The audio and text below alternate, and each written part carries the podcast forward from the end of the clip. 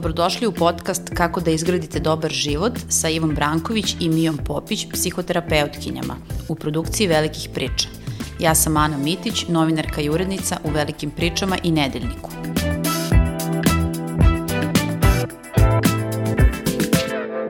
Pravo je vreme da pričamo o tome zašto su nam promene tako teške, ne samo zato što je kraj godine, pa mnogi donose neke odluke da nešto promene i da od naredne godine krenu drugačije, nego i zbog toga što smo nedavno imali izbore i izbori su sinonim za promene, ali mogu biti i sinonim za to zašto su nekad promene tako teške i zašto nam je teško da promenimo neke stvari. Izbore sam samo spomenula, mi se ovde ipak bavimo uh, psihologijom i malo ćemo više da pričamo o nekim drugim uh, vrstama promena, a ne tim uh, političkim, ali i te promene su takođe deo cele ove priče. Uh, razgovaram sa uh, Mijom Popić i prvo što, što ću te pitati jeste uh, kada je vreme za promenu. Po čemu mi znamo da je to sazrelo, kako se kaže, to je čak bio jedan od slogana na nekim davnim izborima, ono, zrelo je. Ovaj, ka, kako da znamo da je vreme da, prom, da nešto promenimo, da ne radimo više isti posao, da prestanemo da gubimo vreme sa nekim ljudima, da shvatimo da, da nam smeta neka rutina i da je vreme da se stvari menjaju. Da.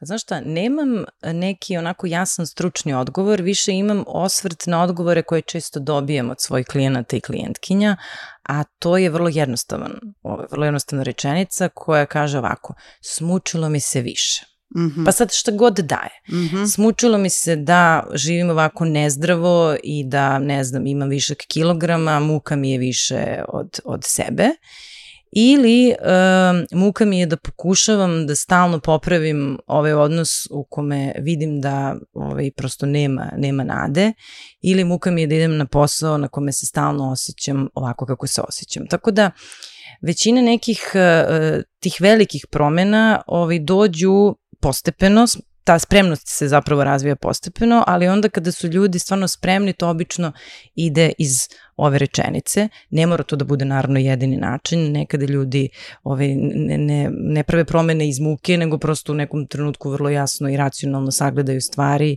i, i jasno im je šta treba da čine. Ali evo, to je recimo jedna rečenica koju ja često čujem. Smučilo mi se više. Da, smučilo mi se ili, ili dogorelo je. Mm. Uh, a kako izgleda taj proces promene? To nije ono, e sad ću ja kao da se promenim, nego se kreće verovatno od nekog razmišljanja a, i promišljanja te neke mm -hmm. situacije i šta tu nije dobro, pa da, da li bi trebalo nešto da menjam, e, kako bi to trebalo da menjam, e, ka, kako se kreće sa, sa tim procesom? E, da, ovo je odlično pitanje zato što uvijek deluje kao da ti samo odlučiš i samo treba da odlučiš i onda će to da krene. Ali zapravo promene imaju nekoliko faza. Prva je ta faza prekontemplacije, recimo ako pričamo o uh, uvođenju promene u sobstveni život po pitanju nekih zdravih navika pa želiš da počneš da vežbaš. Faza prekontemplacije je mrzi me da počnem da vežbam, neću. Znači, tebi sad ova rečenica kad ja kažem ne zvuči kao da neko želi da počne da vežba. Ali čim si ti pomislio mrzi me i neću, to je ipak neka prekontemplacija, jer druga strana te rečanice je možda bi i mogao. Mm -hmm. Tako da ljudi, sad to zavisi od osobe do osobe, ali mogu određeni ovaj, prosto period da budu u toj fazi i da promišljaju na nivou neću, ali onda je sledeći korak faza kontemplacije možda bi ipak mogao. I tu se često stvari onako lome, tada se uh, u psihoterapiji najčešće susretnemo sa ambivalencijom naših klijenata, to je i hoću i neću promenu. Je to sledeći korak kao? To je u fazi kontemplacije mm -hmm. gde zapravo um, se aktiviraju dve težnje. Jedna je želim promenu, ali ne želim da se odreknem svega onoga što promena sa sobom nosi.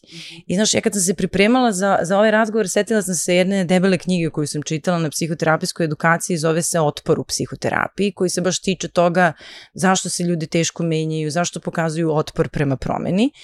I shvatila sam da ta terminologija mi je i tada, a sada mi je to malo jasnije zašto mi smeta. To kao otpor, ljudi neće da se menjaju. To nije tačno. Ljudi u većini slučajeva hoće i neće.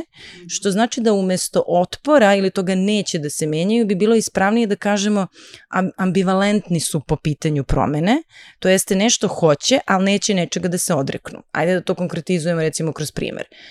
Hoćeš da budeš mršava, Ali, ali hoćeš ne, da jedeš. Ali hoćeš i da jedeš ili hoćeš da izlaziš sa prijateljima i hoćeš i da popiješ. I sad ti hoćeš i jedno i drugo. I tu zapravo vidimo zašto su pro, promene problematične. Nije to ja samo neću, jer da neću onda to više nije tema.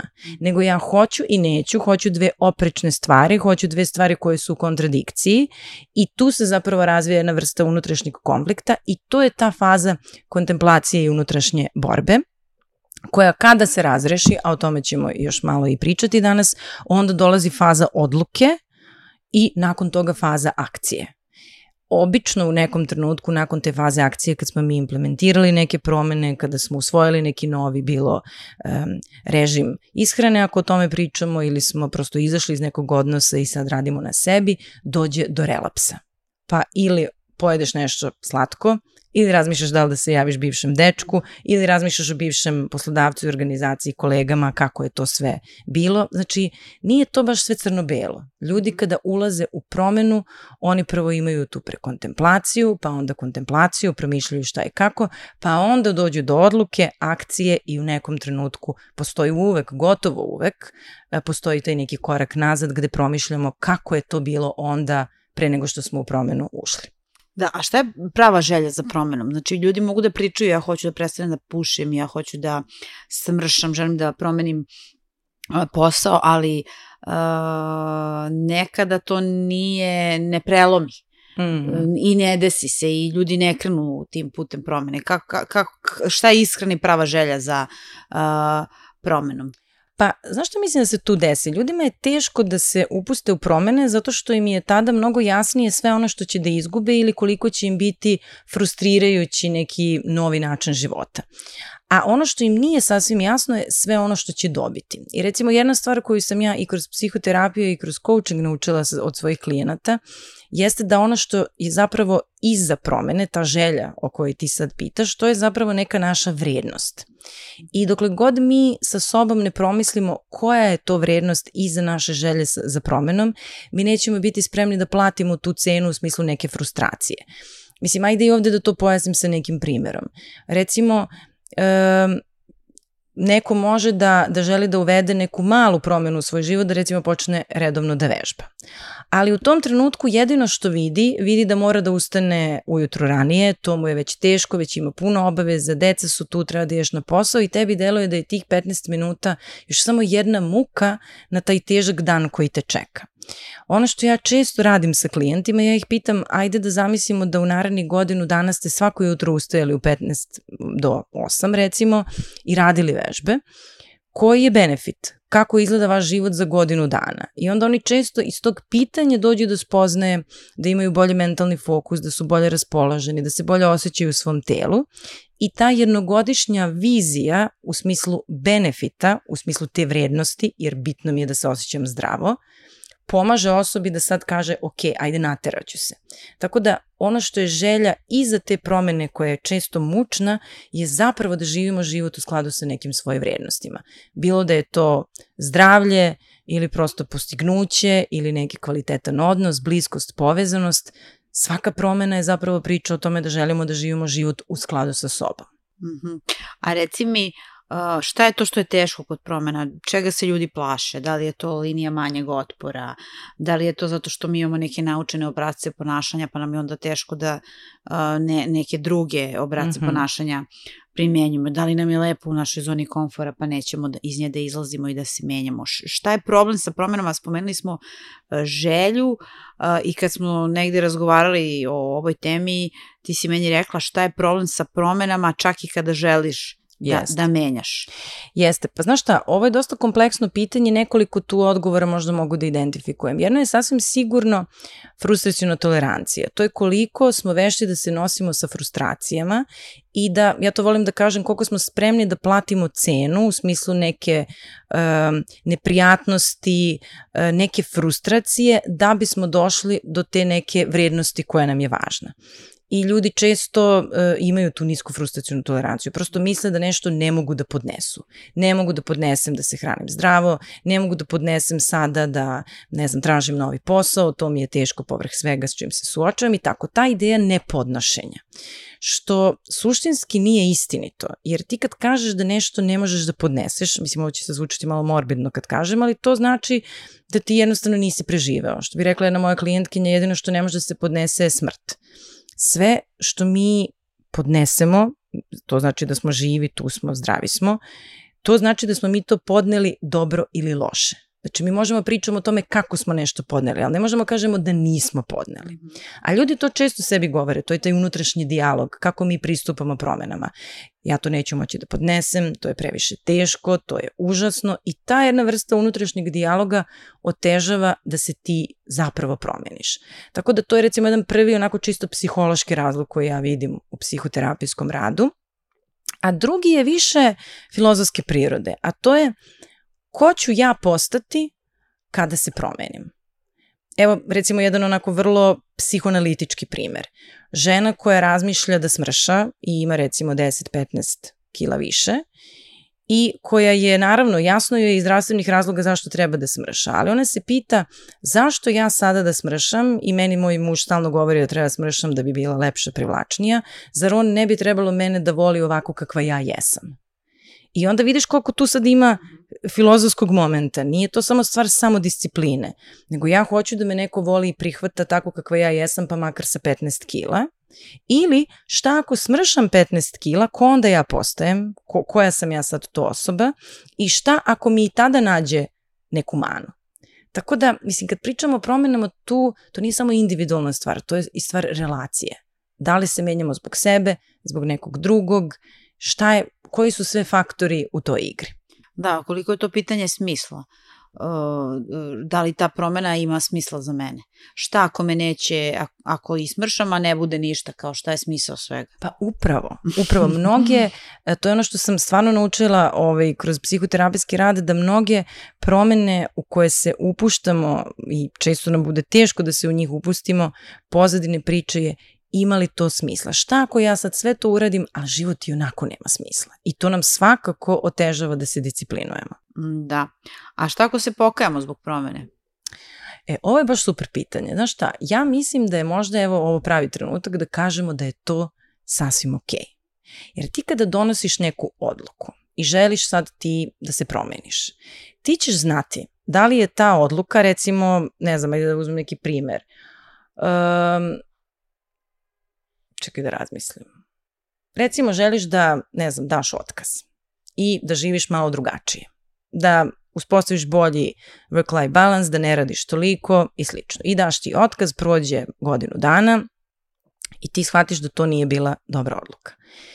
Ti to tek možeš da spoznaš iz iskustva u tih godinu dana. Ljudi često od sebe očekuju da budu vidoviti kao sad kad donesem ovu odluku i upustim se u ovu promenu, pošto sam tako hrabra da donesem odluku, ja sad treba da znam sve što mene čeka za godinu dana i da znam da će to biti ispravno. A to zaista nije realno. Mi kad donosimo odluke, mi radimo u onom trenutku kako najbolje znamo, a s vremenom se pokaže da li je to bilo ispravno ili ne. I onda je u tom trenutku sasvim ok da revidiramo svoje odluke i da prosto učeći o toj promeni i o nekoj, ajde da tako kažem, novoj verziji sebe, spoznamo da li je to za nas ili nije. Pa da, mislim, to je potpuno ok. Možda je to, eh, ima situacija kada je neka odluka i promena ono kratkoročno loša, ali na duže staze može da bude i da se ispostavi uh, kao dobra. Tako je, znači moramo sebi da dozvolimo da učimo iz iskustva, da verujemo u taj neki proces i da onda kroz njega spoznamo da li je nešto bilo za nas ili ne, a ne da to očekujemo unapred, jer upravo to nas sapliće u donošenju odluke da se u neku promenu upustimo, zato što nemamo garancije. Da, ali da nismo odlučili da se menjamo, eto sad spomenjala si godinu dana i za tih godinu dana može da se desi nešto za što mi ne znamo da će se desiti, tako da tako mi je. svakako ne možemo da kontrolišemo ne možemo. šta će da bude. A šta je prava promena, a ne ono što se kaže kozmetička promena? Kad ljudi govore ja sam se promenio, ja sam o, mm. ovo uradio, ja sam ono izmenio, a u stvari nije, nego je to samo nešto kozmetički. Mm. Znaš šta, kozmetička promena ide iz ega, a prava promena ide iz jednog autentičnog povezivanja sa sobom i svojim vrednostima ili iz spoznaje da te stvarno nešto žulja i jako boli. Možda najbolji primer za ovo, da nekako ne ostanemo na, na nivou teoretisanja, je kada neko odluči da radi na sebi. I to baš evo u vreme ovih praznika i kao sledeće godine ću krenuti da se bavim sobom, lični rast, razvoj, čitanje knjiga, kao da, uspo, da spoznam sebe i da upoznam sebe. I sad kao to super zvuči lepo i obično se te i odluke donose u ovo neko vreme. Međutim, da li će to biti kozmetička promena, to recimo može da bude na nivou razmišljat ću pozitivno, pisat ću pozitivne afirmacije, ići ću na reiki, na te neke polušarlatanske pristupe ja rada na sebi, pa da, ovaj, pa onda ne znam, pisat ću ono zahvalnost svako jutro, mislim ja nemam ništa protiv praktikovanja zahvalnosti, ali znaš, to su sve te neke mantre I to je suštinski baš ono prava ta reč, lepo si iskoristila, pravo kozmetičko bavljanje sobom, gde ne dolazi do suštinske promene zato što se ljudi zapravo nesretnu sa svojim emocijama. I mnoge od ovih tehnika, ako pričamo o ličnom rastu i razvoju, su bukvalno kao neki flasteri. Znaš, ti imaš privid da radiš nešto na sebi, ali i dalje te žuljaju iste stvari i nema suštinske promene. Ono što je prava promena, to je susret sa sobom, sa bolnim, neprijatnim emocijama, to je on odlazak na, na psihoterapiju koja nije uvek prijatna, jer znaš, ti kad ideš na reiki, pa malo meditacija, pa sva ta spiritualna, mm. ovaj, šta ti ja znam, to, to ti je kod da si bio na nekoj lepoj masaži, tebi je prijatno. Ali da. lični rast i razvoj za sve oni koji su išli na psihoterapiju, oni znaju da je to vrlo neprijatan proces.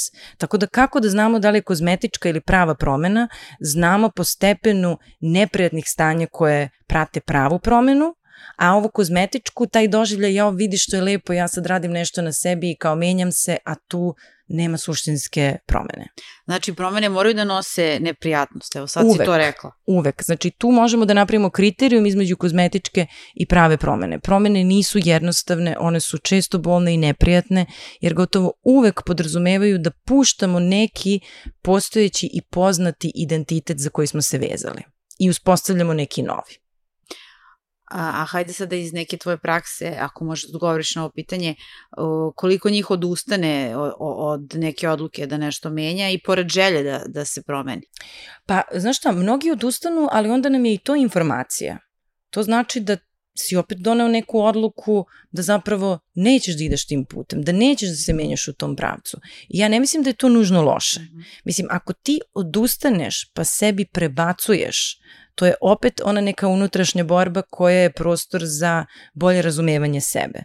Ali ako si ti odustao zato što si prosto uvideo da i ti pokušaj ti ne rade posao i da prosto je to za tebe nešto što nije put kojim želiš da ideš, onda je to potpuno legitimno.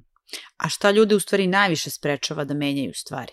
Da li to što nisu spremni, da li to što se plaše, da li to što još nije sazrelo, šta, šta su uzroci? Pa, znaš šta, onako gledajući um, i osvećujući se na svoju psihoterapijsku praksu, mislim da su tu dve stvari.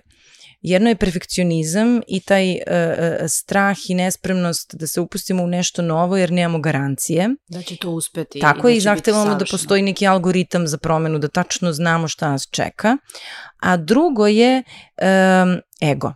Znači, ako ja treba da se menjam, to znači da ja već sad ne valjam to ti je jedan način razmišljanja koji je vrlo toksičan. To, mi to zovemo fixed mindset. Ti si ono fiksiran si, takav kakav si i ako ti sebi priznaš da treba da se menjaš, to ti deluje kao da sebi automatski priznaješ da ti sad ne valjaš. Umesto da izađemo iz tog ličnog, zato kažem da tu ima dosta ega, i da kažemo ja sebe prihvatam, ali prosto život mi nije po, po u skladu s mojim vrednostima i zato želim da se menjam. Da, možda hoću da mi bude bolje, pa Tako je. Da, da napredujem. A, a kako se mi menjamo? Kako donosimo uh, tu, ok, rekla si na početku kako se donosi ta odluka o promeni i sad koji su to neki uh, uh, koraci ili možda neki tvoj savet kako da se napravi taj plan, kako se treba ponašati. Ako si baš odlučio da, da, da napraviš tu neku promenu, da li možda napraviš neki plan po kom ćeš ići da bi ti bilo lakše i da bi uspeo u tome, da se da. ne vratiš taj korak nazad, da ne da. odustaneš. Pa, znaš šta, ovo je dosta onako i kompleksno i filozofsko pitanje. Ja mislim da se odluka o uvođenju nekih važnih promena u naš život E, donosi e, tako što dođemo u kontakt sa svim onim što je nama u životu važno i što su recimo neke naše važne životne uloge. I ono što je tu moja preporuka, ovo sasvim sigurno nije recept, ali jeste možda jedna tema za razmišljanje, je da razmislimo koje su nam to sve važne životne uloge i da u svemu tome ne zaboravimo sebe. Znači, kad kažem važne životne uloge, to je recimo ja ne znam kao um, majka, sestra, prijateljica, ja kao otac, brat ili ne znam što god da mi je profesionalna uloga, ali da ne zaboravimo i onu ličnu ja kao žena, muškarac, znači mimo svih odnosa koje gradimo. I onda u svim tim ulogama prosto proverimo kakav nam je život, koliko, koliko smo prisutni, ja ne znam kao roditelj, ja kao ne znam, u profesionalnoj ulozi, u porodičnim nekim odnosima, kako se ja tu osjećam i je li to u skladu sa nekim mojim vrednostima. I onda iz toga kada pogledamo sebe u tom nekom širem spektru uloga i odnosa, mi možemo da razumemo je li naš život po našoj meri. Jer promene su zapravo priča o identitetu, o vrednostima, o tome šta je ispravno. Mislim, evo ti si spomenula izbore to je to. Mislim, ista stvar je ako sad mi pričamo na individualnom planu, ali mi smo stvarno spremni za promene onda kada osjećamo da u nama, u našim odnosima ili u našem društvu nešto ozbiljno nije kako treba. I moramo prvo da uradimo tu neku vrstu diagnostike, da shvatimo gde nas najviše žulja, da, da budemo hrabri u to da pogledamo i da onda iz toga e, se negde potrudimo i, i pokrenemo motivaciju da, da nešto i uradimo. Da, a šta propuštamo ako se ne menjamo? Kakve su koristi od promena? Makar se posle i pokajali, spomenuli smo da možemo i da se pokajamo. Da, pa to je ono, ako vam je ovako, kako ima ona rečenica... Um, um, a, ako vam je dobro, da, ako onda vam je to, ništa. onda ništa. Da. E pa eto, mislim, pa to je, znaš, nema tu sad nekog filozofskog odgovora. Prosto mi možemo uvek da izaberemo da ostanemo tu gde jesmo. To je neki status quo, ja to zovem životarenje i prosto neki život na autopilotu i mislim kao uvek imamo i taj izbor. Da, ali Znaš, nije baš najbolji. Pa nije najbolji i ja tu stvarno volim da, da ono, koristim tu rečenicu koju sam preuzela od jednog mog dragog kolege, ako želiš taj neki bolji život za sebe, moraš da budeš spreman da platiš. A cena je ta neka frustracija, e, neprijatnost, jer promene stvarno nisu jednostavne. Evo, to sad vidimo. Da. Hvala ti puno. Hvala tebi.